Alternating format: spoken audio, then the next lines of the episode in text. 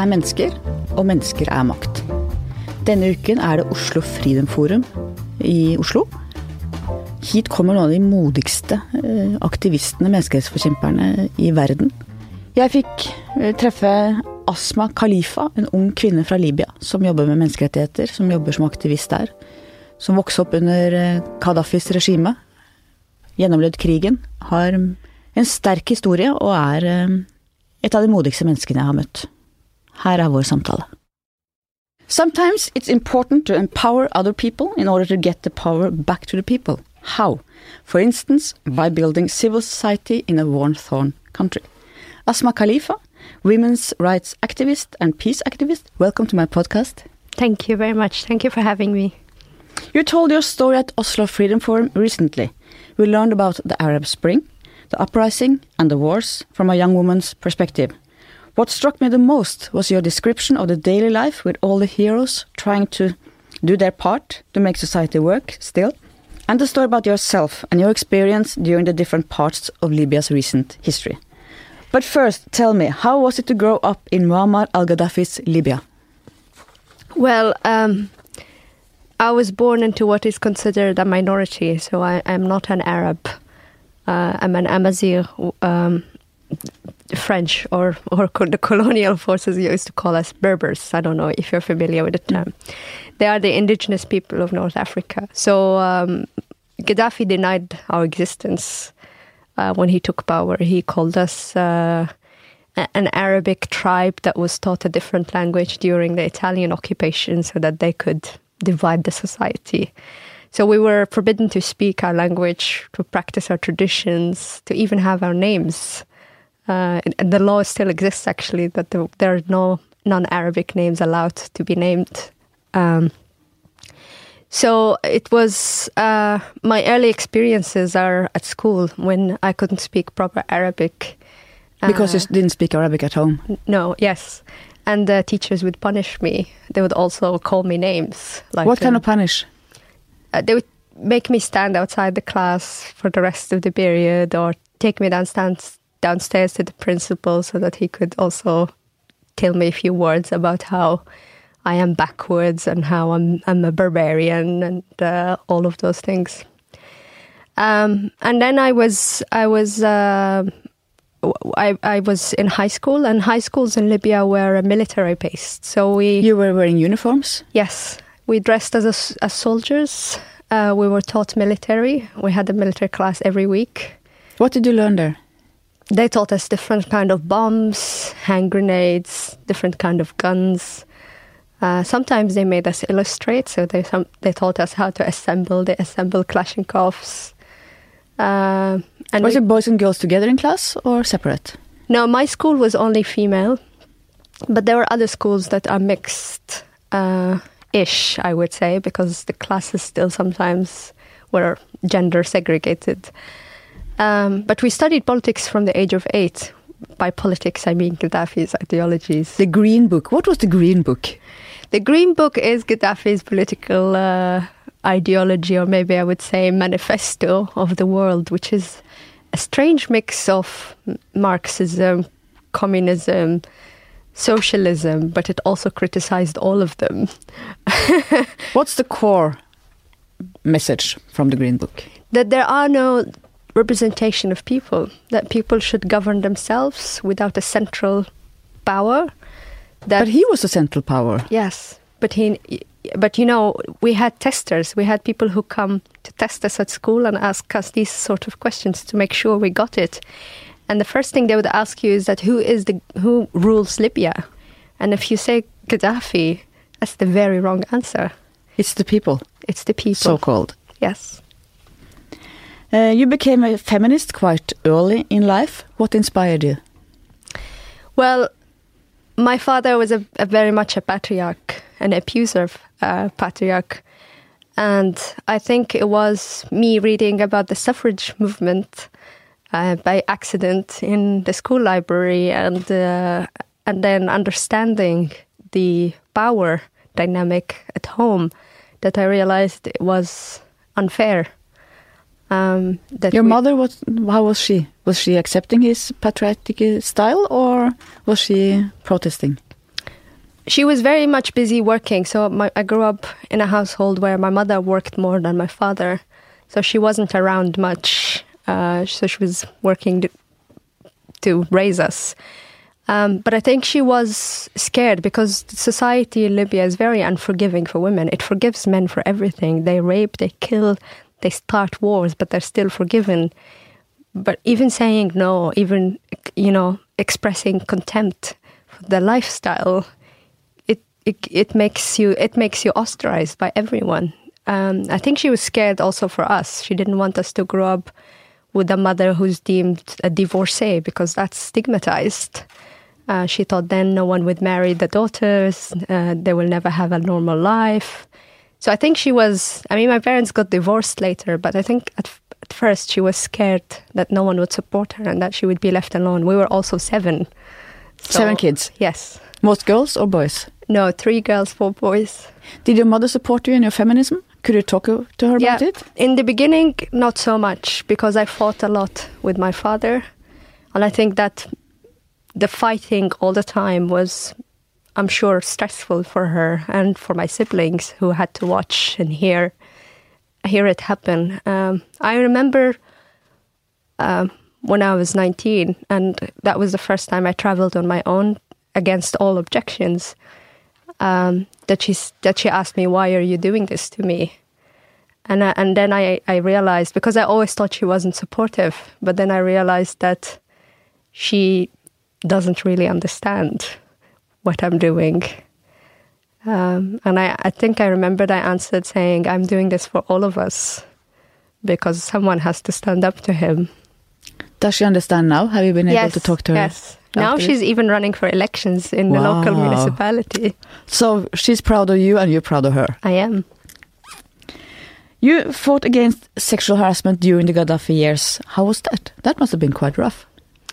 Yes, it was. Uh, we had, I mean, the system was so impossible to get through because every time you um, object something, they say, yes, you are right. In the Green Charter of Human Rights, uh, you have this and that. Women are empowered. Women hold guns. Women have their own armed groups. Why are you? You know, there's nowhere to complain to because they tell you the system is is you and you are empowered, so you don't need anyone. It is really difficult. Um, so we, there was a campaign to establish a hotline within the police system to improve um, response to domestic violence. Um, and domestic violence is the biggest violence that women face, I guess, also in the whole world. That partners are the first perpetrators of violence against women. Um, it, is difficult for women to actually reach the police station. And if they reach the police station, which was also my experience when I went to testify against my father, that the police officer would say, But he's your father, why can't you sort things out with him? And they would do the same to women, that they'd say, But he's your husband, shame on you for bringing this to a police station.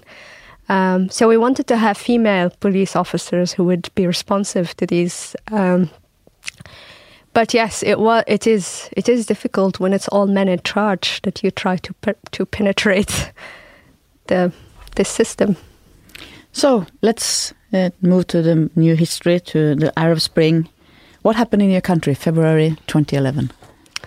Well, we wanted to mobilize, uh, inspired by Tunisia and Egypt. We wanted to mobilize to demand reform because we never imagined Gaddafi would go. I mean, he was the center of everything for 40, for over 40 years. And the structure he created actually only relies on him to be alive.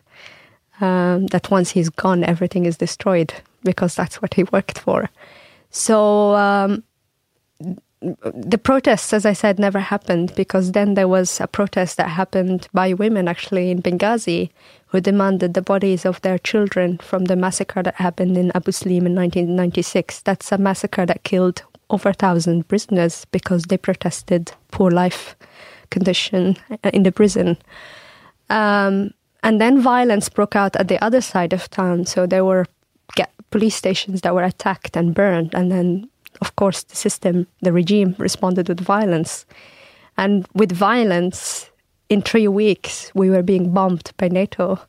So it was there was no chance to mobilize or or uh, have a proper, uh, yeah, uh, revolution. What's your opinion on the bombing of Libya back then? I think back then, like a, a lot of Libyans, we were conflicted uh, about it. I mean, a lot of us didn't want it, but a lot of us were very afraid for Benghazi and other places that would be wiped out. I think Libya is a failure of the dip- diplom- diplomatic and foreign policy track. Three weeks is not enough to pressure someone to leave or reinstate some his son or, or change the system. I think everyone rushed to to destroy and to drop bombs, and that's never good. So what should they have done? They were afraid of a massacre in Benghazi. Yeah, and, and later on, military reports show that he wasn't that close to Benghazi. When the resolution came out, which actually contradicts international law, it came out and the government issued ceasefire, but they bombed within hours of the ceasefire, so they never gave him a chance to actually show uh, if he was going to have a ceasefire. NATO also stopped uh, the African Union delegation to Tripoli to enter for negotiations at first. So uh, they never want to hear him. And there was no representation of the Libyan government in the UN because the UN ambassador of Libya um, have turned against the regime. So there was no one uh, from the Libyan regime abroad to, to, to discuss this. So what would Libya look like today if there had been no bombing? That's a very difficult question because a lot of us imagined that his son would have taken over, which is why we, uh, me and a lot of other people were disappointed when his speech mirrored his father. We kind of still hoped that he would say something different and that there won't be any war. Um, but I mean, there could have been a, a, tran- a transition to another system, or or. Uh, but it was obvious that um, he he was wanted to be gone, uh, and with him gone, everything else was destroyed. When the uprising started, you worked uh, nursing in uh, one of the rebels' hospitals. What did you do there? What did you see? Well, I um, I trained first in the beginning, and I helped set up one of the small field hospitals in the city, which we didn't need because the rebels took over uh, in one day. So I moved immediately to the military hospital where they needed people. Uh, it was it was a, a difficult time. I mean, uh, wars from a distance or, or from TV is different from when you see it, you know. Uh, and images, not just of the mass graves we've received, a lot of them for almost two weeks, but also of mothers who lost her four sons, uh, of the children who were playing in front of their house, and one of them gets uh, a stray bullet in the chest and he dies. Um, the parents, the pain, and and that's that happened on a daily basis, uh, all the time. Uh, we were attacked, even sometimes in the hospital. Um, but it, it is uh, it is just terrible what how much pain we can cause each other as human beings.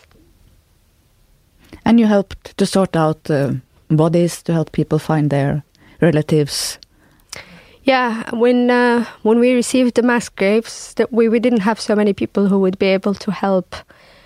Um, especially not everyone was able to to look at those bodies. And uh, you were, yes, I was always called the tough one at the hospital because I didn't shy away from anything.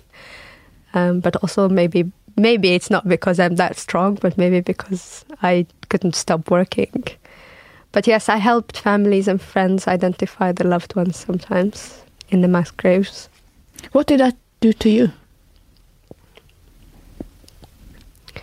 Well, it it broke me. It is indescribable the pain that uh, you see um, when you can't see if it's your son or not. And there was one particular father who couldn't tell if it was his son or not because the body was was decomposing, um, and he had a heart attack at the spot. So I had to move him inside the hospital. Um, and then and then the brothers who identified their sibling and Um, and you could see that there was some sort of hope fighting in their eyes when they they hoped that he wasn't there, uh, but they found him, and and they broke down. And it's really difficult when you're brought up in a society where men are not supposed to cry and supposed to be so strong that you see them fall apart around you. You were signaling very strongly in that military hospital that you were not one of them. How did you do that? Well, at that time I was I was very angry. I've lost my best friend. My father, uh, my brother, and uh, uncles were still fighting uh, elsewhere in the country. I was seeing the pain of a lot of these people, of the mothers, of the parents, the siblings, and I was. I felt. I think I felt hatred. I felt that Gaddafi forces were inhuman for what they've done. I dehumanized them. Um, but then one night, when I had the time, I reflected on it. I reflected about my feelings, and I didn't think that I wanted to be that person. So what would did you hate. do? So I, so I asked the doctor to uh, make me um, to volunteer to be the nurse for Gaddafi's forces, where I only served them for a while. So I fed them, I cleaned them, I took them to the toilet, I gave them education, but I made sure they know which side I am on. And then you met a young soldier. Yeah. What happened? It was early in the morning, uh, and I was giving a round of antibiotics.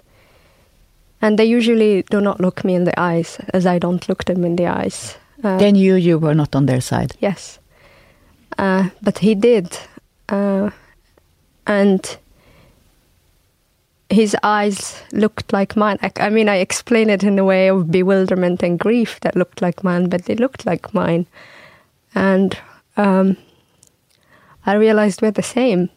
We're Libyans um, going through this war that we didn't decide. We were on these both opposite sides. He probably had a lot of propaganda about us. I had a lot of propaganda about them. And at that time we don't we don't understand why it's happening, why why it happened the way it happened. So I held his hand and we cried for a while. I think we cried for Libya, for, for all we lost and we will lose. And sadly, uh, soon after that, it was my side that was committing the atrocities. So you saw that both sides were bearing evil in a way. I always say that in war there is no good or evil. There are no heroes and and bastards. If you say there is just war and it changes people. So how did this change you?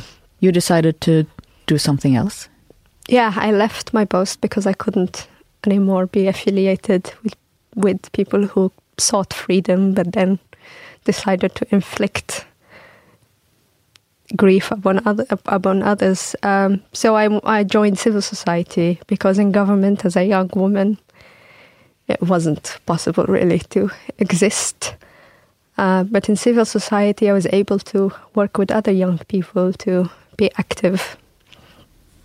And what did you do? Civil society can be so much. Yeah, I did so much. that is part of the trauma because you can't stop. Um, I worked at a psychosocial center for traumatized children and youth. Uh, I was part of initiatives on youth empowerment, preparing for elections, on women's rights issues, especially after the war.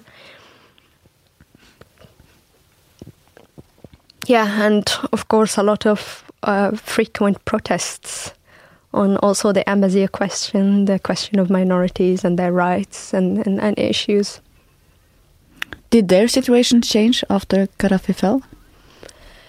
Sadly, uh, in the formal structure, no. Um, but at the moment, because there is no government, there is no political power, uh, de facto in Amazigh speaking cities, people are teaching it. Uh, they've been teaching it for the, fast, the past seven years. All the young generation now reads and writes Amazigh and practices the language. Your eyes sparkle when you say that. I can see it makes you very happy. I love it because uh, because even though it's it's very negative everywhere around them and they are uh, rejected pretty much or used sometimes in in the war propaganda they are making the best of it. And that's that's something that inspires me immensely the people who decide to build rather than destroy. So the civil society work uh, you are sometimes in areas where it's no electricity no internet. Yeah.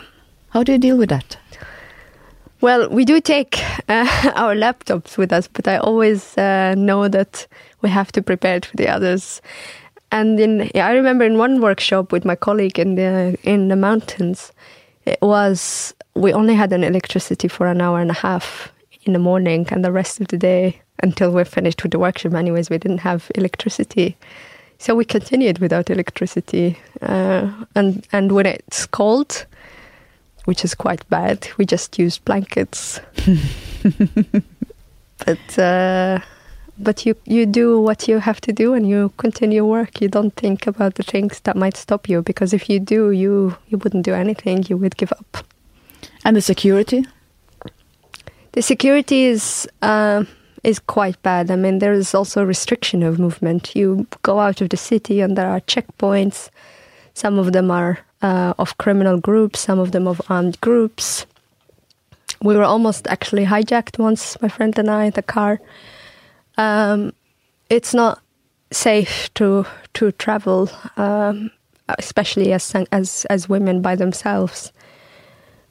Um, it's it's really hard to describe here in Oslo um, how it is to go to a place where you know you have no rights.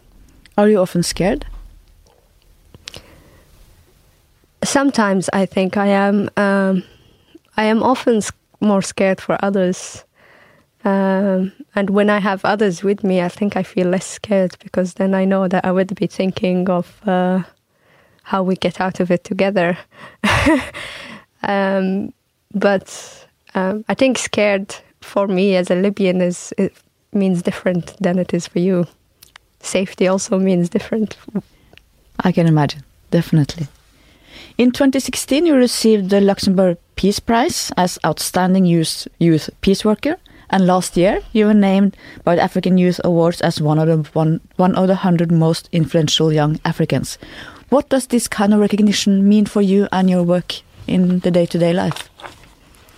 Well, I get I get very very flustered, to be honest, because um, I mean it is it is of course really really good and supportive to to be recognized.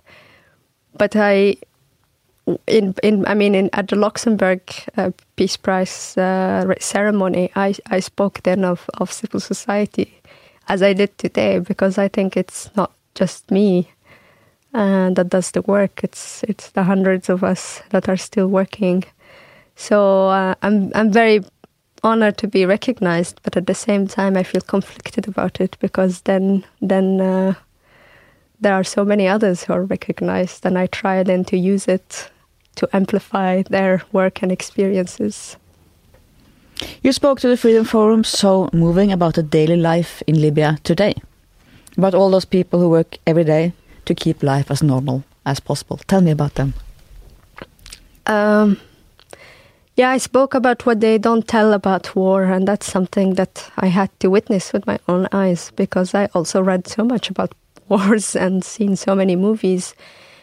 But they never tell you about those who continue to live through a war, uh, those who don't know what will happen to them or their loved ones, but they still go to classes and work, the women who start up businesses and they are helping their communities students who continue their education and graduate in front of the bombed campus, um, the internally displaced who still teach their children to love this country that has rejected them. It's it's remarkable, really, how resilient human beings are. Uh, and despite, I mean, the the often Libya is described as barbaric in conditions, both to Libyans and to, to migrants and refugees.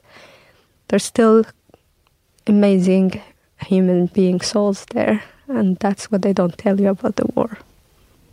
So describe a normal day for a normal young, normal young girl. In So last month I was there mainly to to meet with my friends and see my family. And my day was uh, we would go to our favorite coffee shop. That's where the coffee shop where a lot of activists meet. We'd have pancakes and cappuccino. Coffees in Libya are really, really good. That's one of the influences of the Italians. Uh, we would chat. Of course, our conversations always led us to, to the situation and what's going on. But we would sit in front of the coastline. Libya had, has really beautiful beaches. Um, I would go uh, with my sister around the city because I always like to see what has changed and what is different. Uh, I go, I visit my friends' projects.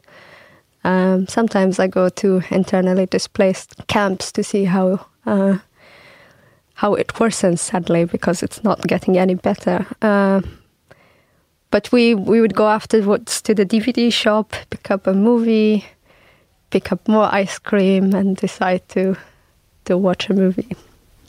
so quite normal life Yeah, in a very abnormal situation. yeah.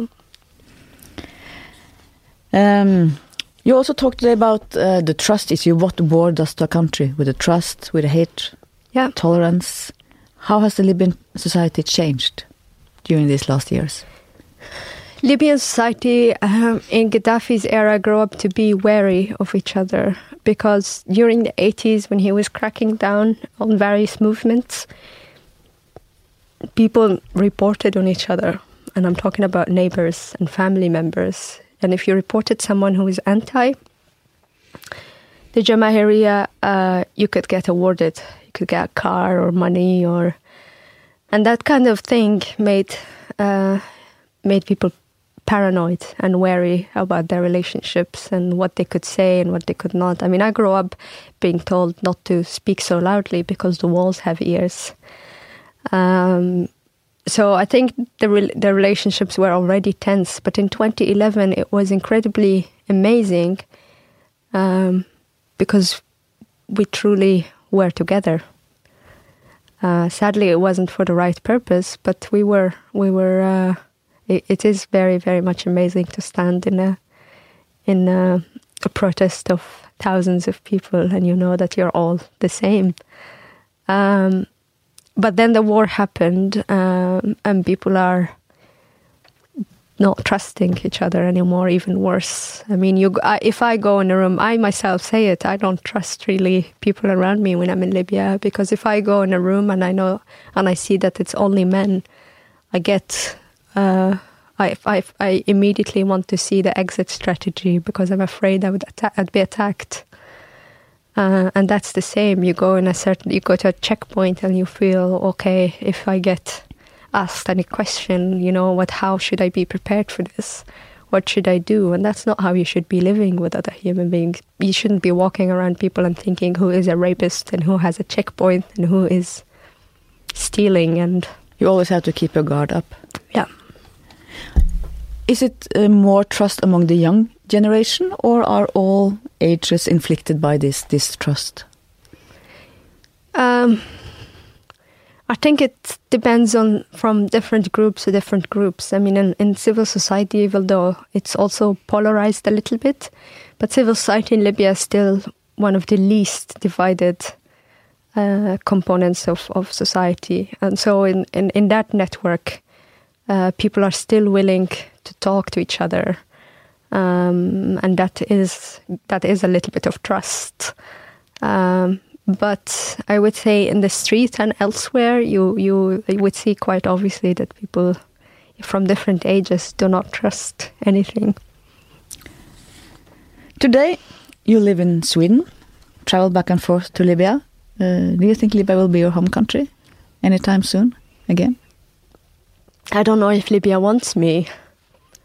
That is also a thing. It's not just that I, I go away because um, because I want to. It's also because it's a place where it doesn't really like women. It doesn't like minorities. Uh, it's not uh, supportive. I mean, the difficult part about my work is that it's it's also the community that doesn't support you. It's not just that there are armed groups, there is war, and there are governments that are fighting. It's also that the community thinks you are bringing foreign agendas and you are teaching how to corrupt women and you are uh, you know i'm trying to make women wear miniskirts apparently that's the top of your agenda right yes um, and that makes it difficult for you to continue to be with them as a society because um, as soon as I moved away to initially to do my masters, I well, I had more energies to work. I was more burned out when I was inside Libya, when I was depressed a lot of the time and couldn't get out of bed and had to force myself. Uh, because in protest they would spit at us, they would throw rocks at us, uh, they would call us sluts and whores. Um, and that's just normal people, just people without guns. Um, so you could imagine the rest, and it's difficult to live in that kind of environment. So I don't know, but I want to continue to to support and help those who want to change. And in, when you moved to Sweden, you live far away in the forest. Yes. How was it to come there from the noisy, busy Warnthorn, Libya? It's very quiet, and it at first it was. Uh, it wasn't very good for, for my mental health because I finally uh, settled down and I had time to think about everything and all I've been through. Last year was also the year when my brother was kidnapped for seven months um, by an armed group. Uh, so it's uh, it was a difficult. I think my first year was a difficult year because I'm not used to this. I'm not used to things going well and when I hear loud voices at the first year, and then even in Turkey, I would turn around and make sure I know what's going on and if it's something that I need to be careful about. Um, uh, New Year's Eve is always also challenging with all the fireworks, and I hate fireworks now because I can't I can't deal with the sound. So it's uh, it's interesting, but I'm liking it now. now you like the quiet. Yes. And now you have both worlds. Yes. The noise in Libya and the quiet in the Swedish forests. Do you see any hope for Libya? Um, as I said, when I see these, when I see the people do these things, it it gives me a spark of hope. But I think in the case of Libya, if we have, if we need to have hope again, we would need to work for it. We and would what, need to make it happen. What can the West do? What can we do? If anything. Don't forget about us because we are the illegitimate affair and Libya is never on the news and it's never talked about and it's not mentioned. In foreign policy, Libya is called the black hole, as in no one wants to go there, no one understands what's happening. Um, but yes, keep us keep us in your thoughts. And in your work, is there anything anyone can do? Um, I would say, yeah, amplify civil society work and, and apply more pressure for civil society to be able to work without the fear. I mean, while I'm speaking now, there are hundreds of activists who are kidnapped and disappeared. Um, others have been assassinated during 20, 2014 and afterwards. It's not safe for us to work. Uh, we've gone underground after 2014. Um, but it's it's again it's not mentioned how how uh, there is so little space for change to happen in Libya. You're wearing a T-shirt today with a broken uh, gun, broken yes. uh, rifle. Do you believe in nonviolence? Is there is it the path forward? Is it possible to reach goals?